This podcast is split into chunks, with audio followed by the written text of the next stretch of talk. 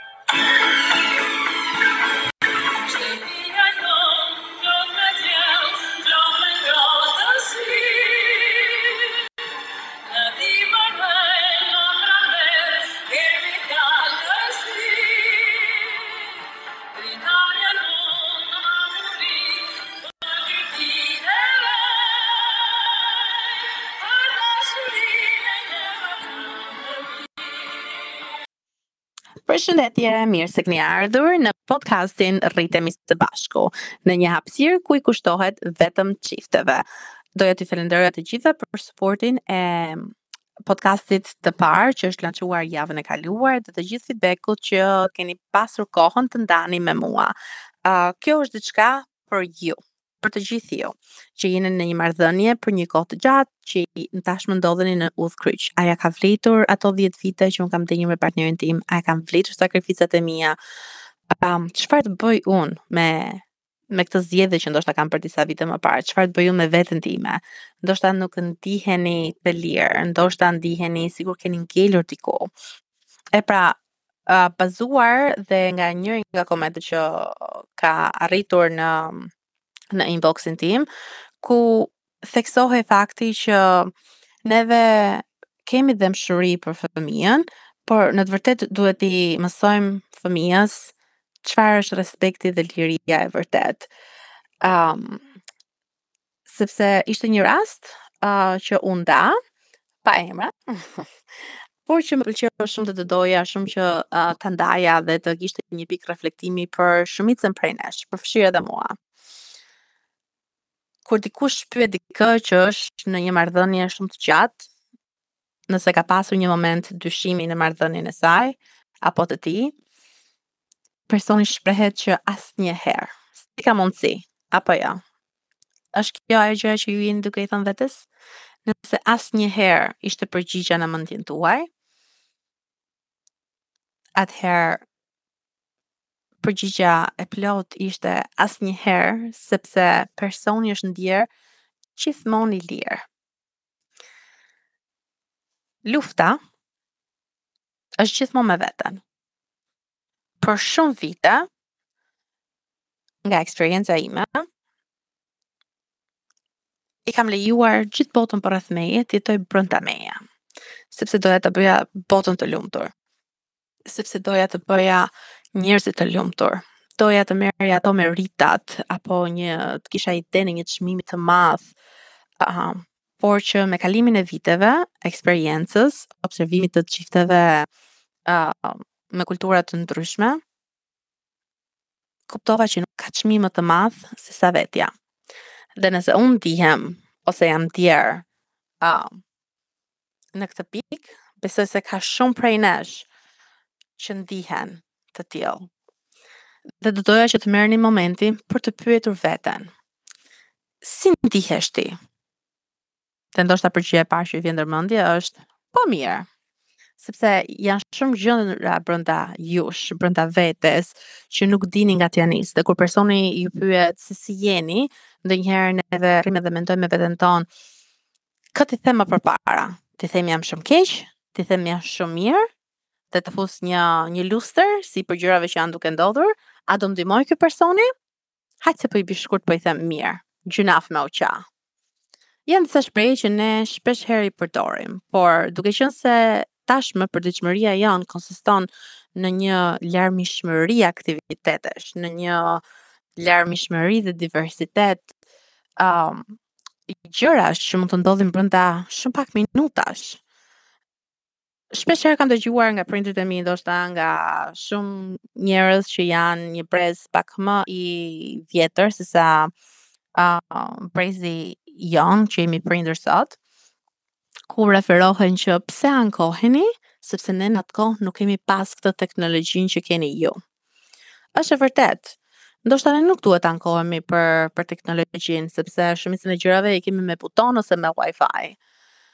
Por ama një gjë që shumë njerëz nuk e vënë re është që kjo teknologjia me vërtet na ka lehtësuar shumë punë, ama është shtuar akoma dhe një dozë e madhe pune për t'u bërë. Dhe është më tepër një luftë psikologjike që po ndodh sot në thonjza.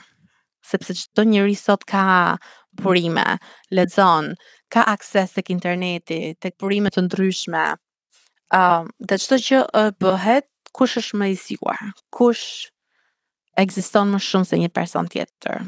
Tamam ajo lufta për ekzistencë, deri në një farë pike. Dhe është shumë për një person. Dizajni i personave, i individit që ne jemi sot, s'do dot përshtatet me botën që ne jemi duke krijuar. Është mirë, është absolute shumë e bukur dhe madhështore, çfarë po ndërtojmë neve dhe ku kemi arritur neve të ndërtojmë si njerëzim uh, në botën digjitale, në botën e internetit, se si lidhemi me njëri-tjetrin. Por ama pak nga pak po humbim veten, pak nga pak po humbim lidhjen njerëzore. Gjëja që është e njëra nga të vetmet komponentë që na mban gjallë, që na jep motivim. Shumica prej njerëzve um, janë atë zonën që mendojnë shpesh herë, ndoshta nuk duhet të ekzistojë. Dhe nëse vite më parë kjo nuk ka qenë, nuk e çonin për mend njerëzit, sot mendohet pak më shpesh. Duke filluar që nga moshat shumë më të vogla. Pse? sepse vetmia është më e madhe dhe nëse ti je në një marrëdhënie, ti prap ndihesh vetëm. Prap ndihesh sikur ke frikë dhe nuk mund të flasësh me partnerin tënd apo me një shoqe apo me familjar të tu shumë hapur nga frika se do të paragjykojnë. Nuk mund të flasësh me fëmijën shumë hapur nga frika se do ta rëndosh. Dhe kemi krijuar atë rrethin tonë sepse shumica e gjërave bëhen për për t'u shfaqur në internet, për t'u hedhur në Instagram, për t'u hedhur në rrjetet e tjera sociale. I bëjmë gjërat sepse duhen bërë. Nëse dikur i bënim gjërat sepse duhen bërë, sepse ashtu ishte uh, rregulli shoqëror, sot jemi në të njëjtën pikë. I bëjmë gjërat se duhen bërë për t'i treguar botës se ne jemi të fortë, ne jemi të pavarur, ne jemi të pandalshëm. Këto nuk janë gjëra që na bëjnë neve të pandalshëm sot. Këto janë gjëra që me vërtet na frenojnë, po na frenojnë fort. Çfarë e bën një person të pandalshëm? Është mënyra se si menaxhon emocionet, mendimet dhe reagimet e veta kundrejt njerëzve të tjerë. Ne nuk jemi dot përgjegjës për lumturinë e tjetrit, nuk mund të jemi përgjegjës për veprimet e tjetrit, nuk mund të jemi dot përgjegjës për eksperiencën e dikujt tjetër. Ne vetëm mund t'i qëndrojmë pranë dhe të mundohemi ta kuptojmë nga vjen ky personi dhe pse ndihet ky personi kështu. Dhe nuk mund t'ia zgjidhim asnjë lloj personi problemin e tij. Dhe gjithashtu që ne nuk mund të fajësojmë dikë tjetër për gjërat që ndodhin në jetën tonë. Sepse dashur pa dashur, shumica prej tyre janë vendimet që ne kemi marrë. Aftësitë që ne kemi përdorur. Burimet që kemi shfaqur veten tonë. Dhe në disa raste, po, këto gjëra kanë qenë të kushtëzuara. Nëse çdo gjë fillon nga vetja dhe ti ke lindur një njeri i lirë, çfarë të bën që të biesh pre e këtyre kushtëzimeve nga shoqëria? Shoqëria jonë ka vuajtur shumë. Dhe neve nuk mundemi të themi që siç thonë shumë njerëz që kanë filluar të flasin tani nëpër Instagram apo trajnime që bëjnë, je i lirë, shpreh mendimin tënd, rrit zërin tënd, etj etj etj. Liria nuk është ajo që ti të vish dhe të thosh ça të thotë ty mendja pa e filtruar. Nuk është ajo liria. Ajo ndoshta është një burgim tjetër, një burgim modern që ne i bëjmë njerëzve sot. Ajo është një gjyq i hapur. Nëse unë vi këtu dhe të të zbras ty të gjitha ato emocionet, mendimet e, e mia pa i procesuar një herë me veten time, gjynah, kam shumë keq. Me vërtet gjynah, kam shumë keq. Liria fillon No, liria mbaron aty ku fillon liria e tjetrit. Dhe unë kur kam ardhur vitet e para në Amerikë, një gjë që mua më ka bërë shumë përshtypje, dhe kam qenë vetëm 17 vjeçe, gjëja e parë, javën e parë që më mësuan familja tek e cila unë rrija, ishte shtrije dorën drejt. dhe prek murin. Pastaj spostohu pak më mbrapa, dhe do doja që ta bënim këtë së bashku, siç jeni duke dëgjuar. Shtrije dorën mbrapa. Larg murit tashmë, por mbajeni drejt. Rrotullojeni sa të mundeni rreth vetes. Gjithë hapësira që ju krijoni rreth e përqark vetes me anë të duarve është hapësira juaj personale. është ai rrethi i lirisë tuaj, ai rrethi i të drejtave tua, dhe i përgjegjësive të tua, sepse çdo gjë vjen me të drejta dhe detyra, siç thamë në episodin e kaluar. Dhe aty mbaron liria jote, sepse aty fillon liria e dikujt tjetër. dhe nuk ka si respekti, sidomos për një shoqëri si e jona, që respekti, liria që kemi luftuar gjithë këto vite për të, janë dy vlera kryesore që ne i trashëgojmë brez pas brezi, por duket sikur po i deformojmë pak kohët e fundit. Do thoni ju, ça lidhje ka kjo me çiftet, o goc, s'ke dhjetë minuta që po na flet për veten, për lirinë, për respektin, Kanë lidhje, sepse nëse çdo gjë fillon nga vetja dhe ti nuk je mirë, atëherë as marrëdhënia që ti do krijosh nuk do jetë mirë. As familja që ti do krijosh nuk do jetë mirë. As rrethi përqark kontributi jot shoqëror nuk do jetë mirë. Dhe kështu bëhet, ajo pika e vogël bëhet një pikë më e madhe, që ndonjëherë ne themi, po pse unë? Pse jo ai?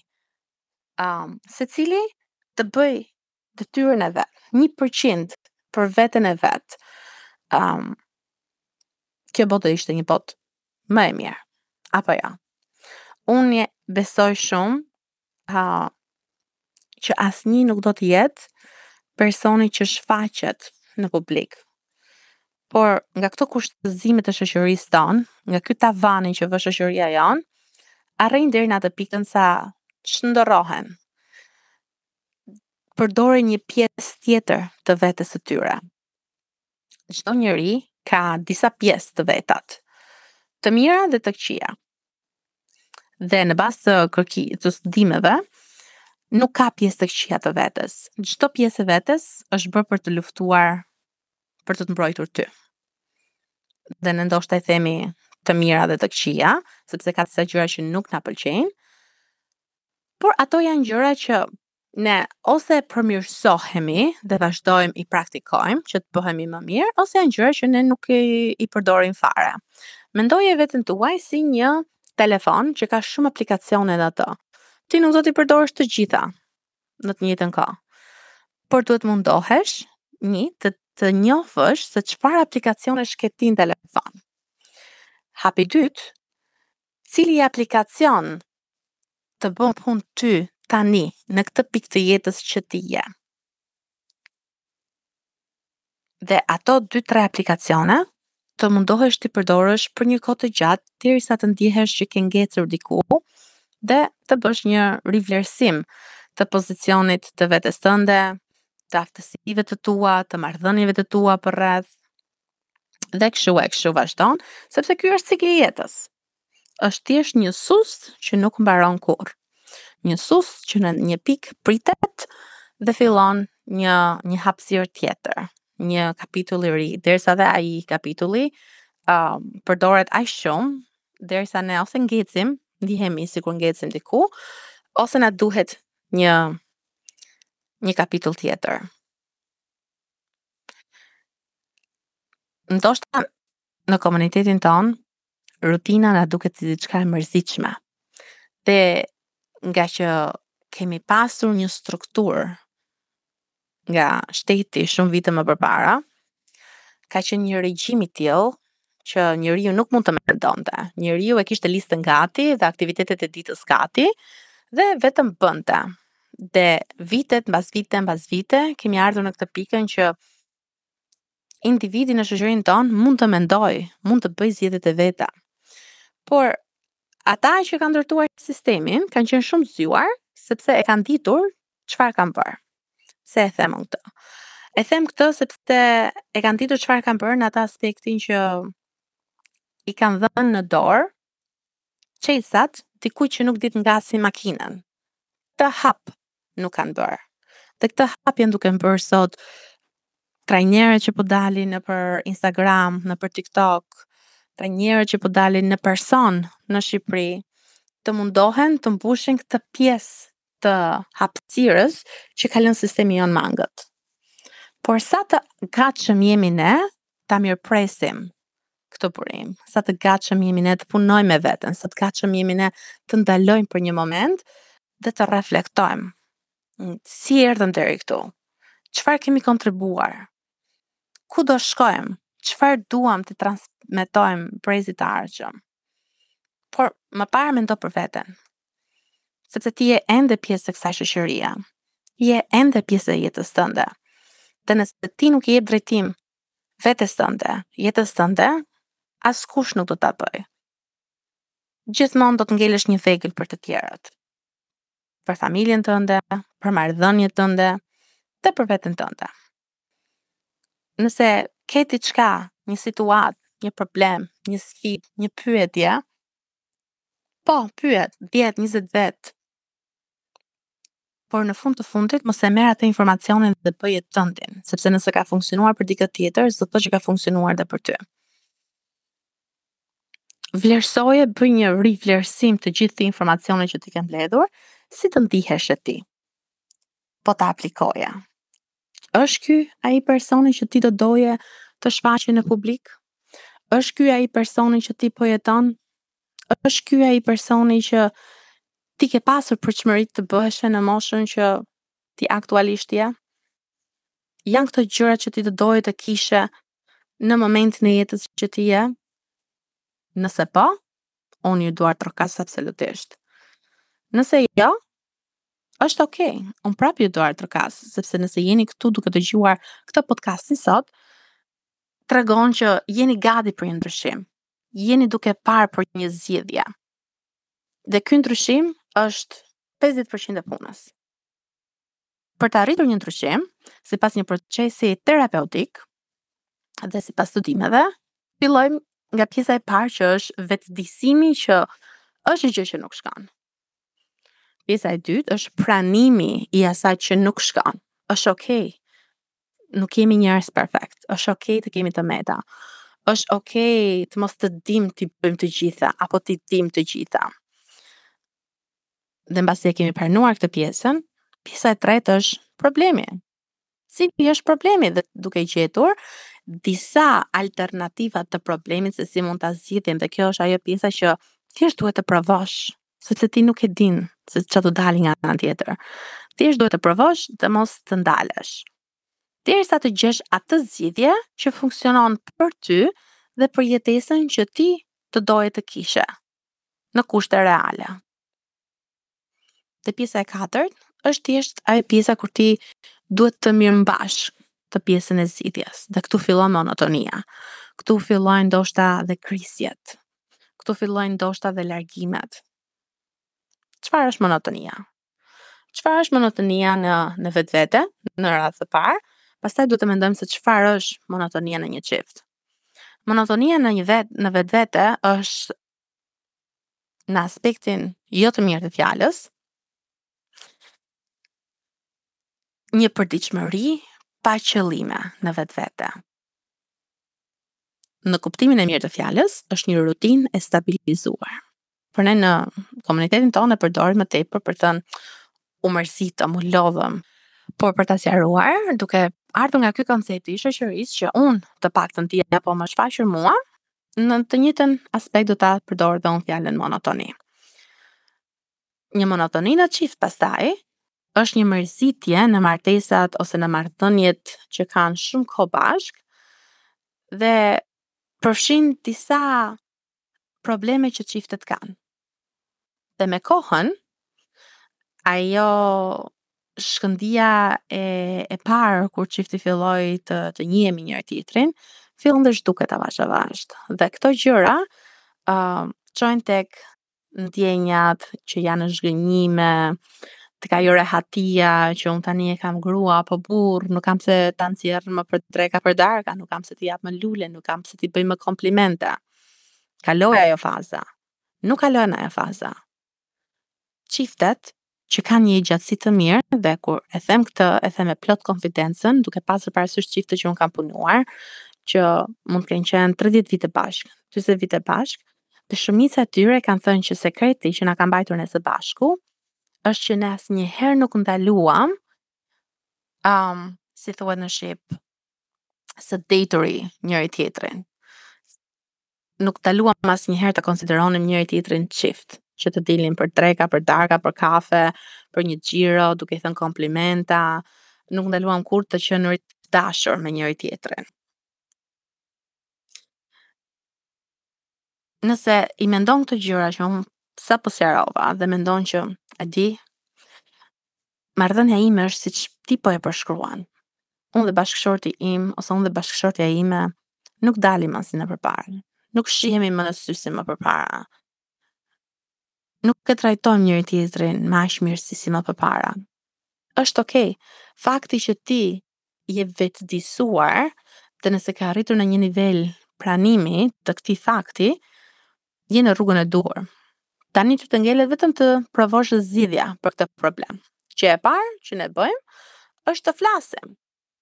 Të flasim me partnerin tonë në një diskutim të hapur, të diskutojmë ndjenjat që kemi, si ndihemi dhe të jemi shumë të drejtpërdrejtë me njëri tjetrin.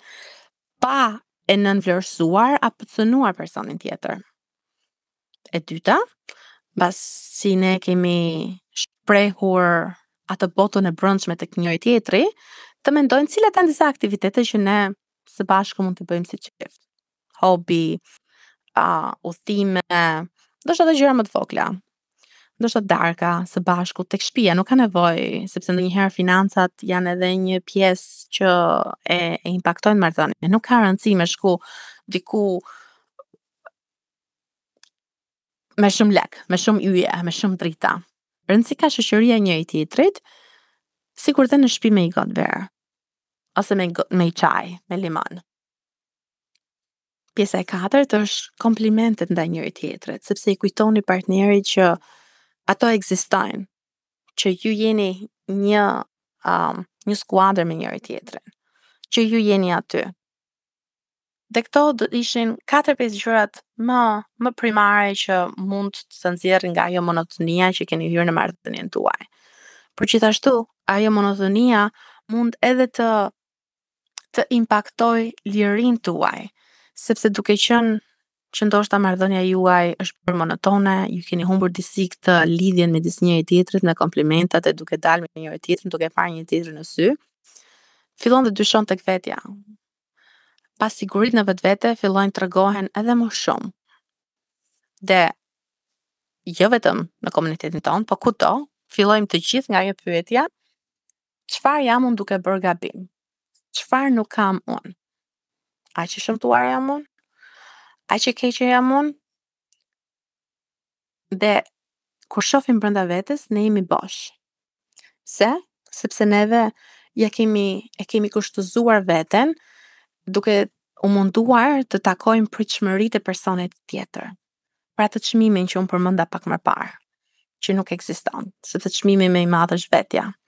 Në kohën që ti e vlerëson veten në maksimum, je konfident, e ke besim tek vetja dhe e din ça personi je dhe i din mirë t'i përdorësh vlerat e tua dhe e din mirë ku i ke të metat e tua dhe se si të rritesh nga ato, nuk ka pse kjo monotonia në çift të impaktojë marrëdhënien tuaj por gjithashtu dhe veten tuaj. Sepse siç e thamë dhe në fillim, nëse ti nuk je mirë, nëse ti je impaktuar, atëherë normalisht ti nuk mund të jesh uh, prezent për partnerin tënd.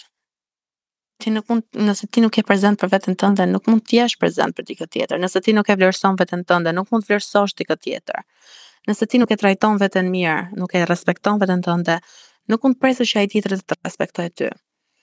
ka shumë raste që duke punuar me komunitetin shqiptar, ëm bie fjala tek, ok, dilni me njëri-tjetrin, pini një kafe të paktën, ëm dhe shumica prej tyre thonë, në shumicën e rasteve është partneri mashkull që thotë, po nuk vjen kjo.